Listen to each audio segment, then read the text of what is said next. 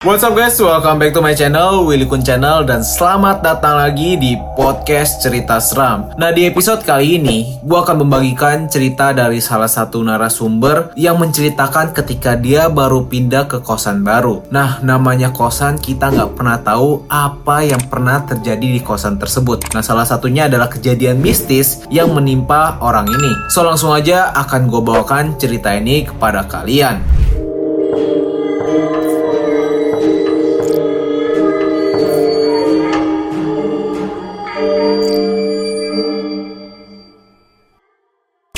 Tahun lalu, saya diterima kerja di salah satu kabupaten tepat di sebelah kota saya tinggal. Karena jaraknya cukup jauh, saya putuskan untuk ngekos saja. Itu adalah pertama kalinya saya menjadi anak kos selama saya hidup dan juga untuk terakhir kalinya. Damn. Dan saya malah tinggal hanya tiga hari saja. Rumah kos itu cantik, asri, dan rapi. Dihiasi banyak tumbuh-tumbuhan. Kebetulan ibu dan bapak kos tinggal di lantai satu. Sementara anak-anak kos tinggal di lantai dua. Suasananya memang sepi. Hawa yang menyeruak di lantai dua memang agak pengap dan panas. Banyak jendela, tapi semuanya ditutup dan nampaknya tidak pernah sama sekali dibuka. Di ruang tengah ada sofa untuk tamu dan juga beberapa kursi kecil yang semuanya terbuat dari kayu. Ada empat kamar di lantai dua. Saya menempati kamar yang paling besar. Ada kamar kecil sebelah kamar mandi dan dapur, serta dua kamar tepat di sebelah kamar yang saya tempati. Kata ibu kos, hanya ada dua penghuni, termasuk saya yang kos di situ. Kita panggil saja dia Citra, nama samaran ya. Sebenarnya saya pun tidak tahu nama asli cewek itu dan tidak pernah bertemu dengan dia selama saya ngekos di sana. Jadi gambarannya ini juga digambarkan oleh sang penulis kurang lebih bisa kalian langsung lihat saja seperti ini. Nomor satu itu adalah kamar citra, nomor dua tidak berpenghuni, nomor tiga adalah kamar mandi, nomor empat tidak berpenghuni, nomor lima adalah kamar saya, nomor enam adalah ruang tamu, Nomor 7 adalah dapur. Dan nomor 8 adalah tangga. Ada pintu menuju balkon tapi tidak bisa dibuka sama sekali. Kata ibu kos, saya bisa menjemur pakaian di bawah saja atau menjemurnya di kamar mandi. Aneh sekali bukan? Tapi saya kemudian berpikir lagi, mungkin kuncinya hilang. Saya sebenarnya sangat tidak nyaman di sana, tapi ibu dan ayahku mendukung untuk ngekos di sana karena aman. Alasan pertama, saya merasa tidak nyaman adalah harganya sangat mencekik leher, yaitu 700 ribu per bulan dan saya hanya dapat kamar saja dengan fasilitas sederhana. Ada kasur, meja rias, dan lemari kayu besar yang kata ibu kos tidak boleh saya buka. Saya dengan polosnya lagi berpikir, mungkin saja lemari itu berisi selimut dan spray yang tidak ingin dipindahkan oleh bapak dan ibu kos jadi ya terserahlah. Sebenarnya ada lemari lainnya kok yang tidak terlalu besar,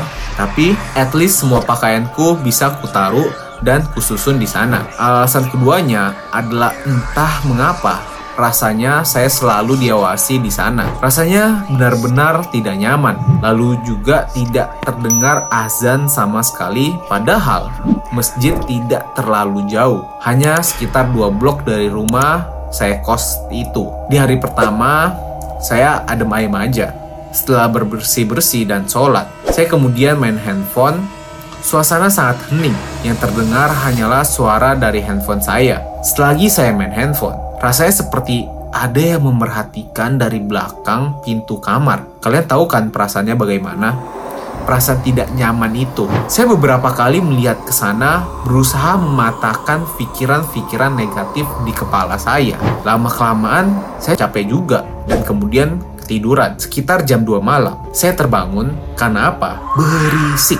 Seperti ada yang sedang beres-beres di ruang tamu. Kursi terdengar di deret sana kemari dan saya juga mendengar suara orang sedang menyapu. Saya meraba handphone saya dan melihat, loh ini jam 2 lewat 37 dini hari. Siapa yang beres-beres tengah malam begini?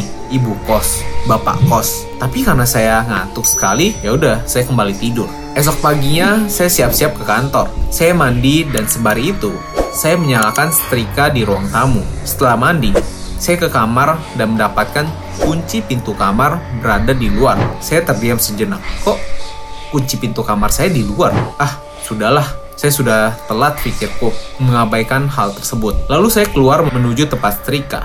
Mendapatkan setrika saya terlepas. Kemudian hati saya mulai curiga. Mungkin bapak atau ibu kos yang naik untuk mencabut setrikanya ya. Hmm, tapi kata bapak dan ibu kos, mereka tidak akan lancang naik ke atas kalau penghuni sedang ada karena takut mengganggu privasi kami. Kejadian itu lalu saya abaikan lagi. Saya menyerika di ruangan yang sedikit gelap karena lampu tidak saya nyalakan. Sebenarnya cahaya bisa masuk, tapi kenapa sih tidak bisa semuanya tidak bisa dibuka seperti itu jendelanya? Bahkan gorden pun tidak bisa dibuka. Oh iya, di sebelah meja setrika ada cermin kayu antik yang besar dan di atas meja setrika ada figura tulisan Jawa kuno dan ada beberapa frame foto jadul lainnya. Di situlah bulu kuduk saya mulai merinding. Saya cepat-cepat menyetrika dan segera kabur ke kantor. Sorenya, saya kedatangan teman. Karena kami kehausan, kami kemudian keluar dan mencari minuman. Saya ingat sekali kamar saya tidak saya kunci dan kuncinya ada di dalam. Sialnya, kunci kamar saya ditemukan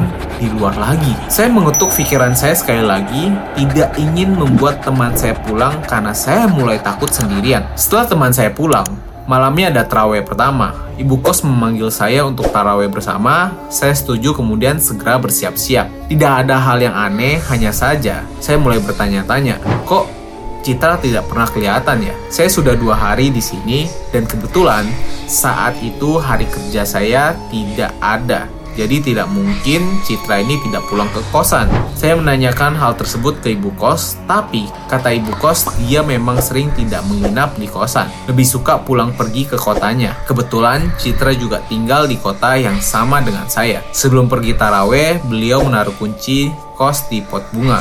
Nah, ibu biasanya taruh di sini. Siapa tahu Citra pulang. Kata ibu seperti itu. Kemudian saya bilang, Citra ini kerja di mana bu kalau boleh tahu? Di bank swasta, di sana loh, dekat kok dari sini. Oh, Dia sering gitu pulang ke rumahnya, bahkan biasanya nggak nginep sama sekali di sini. wah rugi dong bu. Udah bayar tapi nggak ditinggalin. Ya juga ya. kata ibu kosnya seperti itu.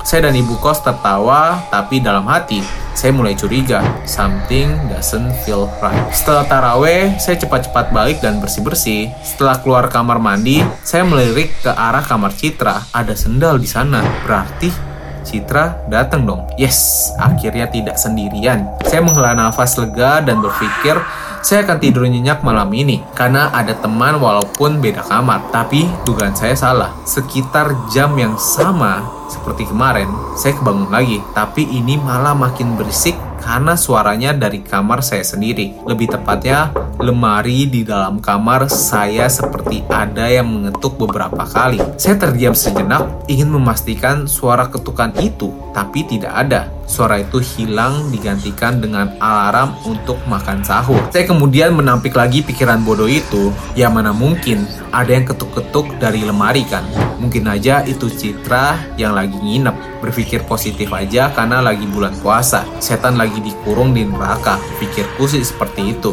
Berani banget kan saya? Padahal saya paling takut tidur sendiri, tapi saya selalu berusaha untuk menghilangkan fobia itu.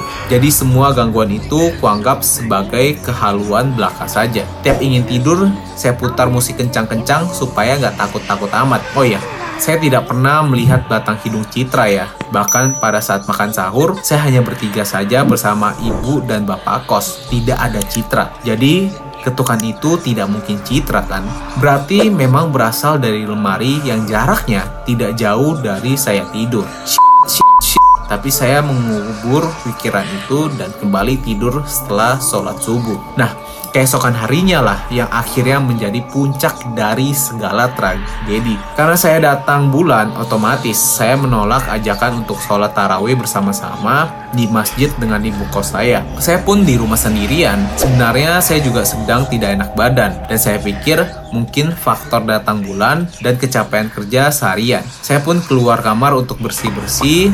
Saya kemudian memanaskan air untuk minum teh. Saya berdiri sejenak di dekat kompor sambil mencari musik untuk diputar. Tujuannya supaya tidak hening. Nah, setelah tes saya sudah jadi, saya berjalan perlahan menuju kamar dan kemudian terdengar suara hihihihi khas Mbak Kunti. Saya berhenti sejenak berusaha mendengar kembali apa yang barusan telinga saya tangkap. Suara itu kembali terdengar, suaranya juga terdengar jauh-jauh lebih dekat. Detik itu juga bulu kuduk saya merinding. Saya cepat-cepat mengambil chargeran saya dan kabur masuk ke dalam kamar. Saya menangis, shock berat. Itu tadi terdengar jelas namun seperti jauh. Saya gemetaran sebadan badan, kemudian cepat-cepat mencari ayat kursi di handphone. Saya panik sekali. Di tengah kepanikan, saya segera menelpon orang tua saya, memohon segera menjemput saya.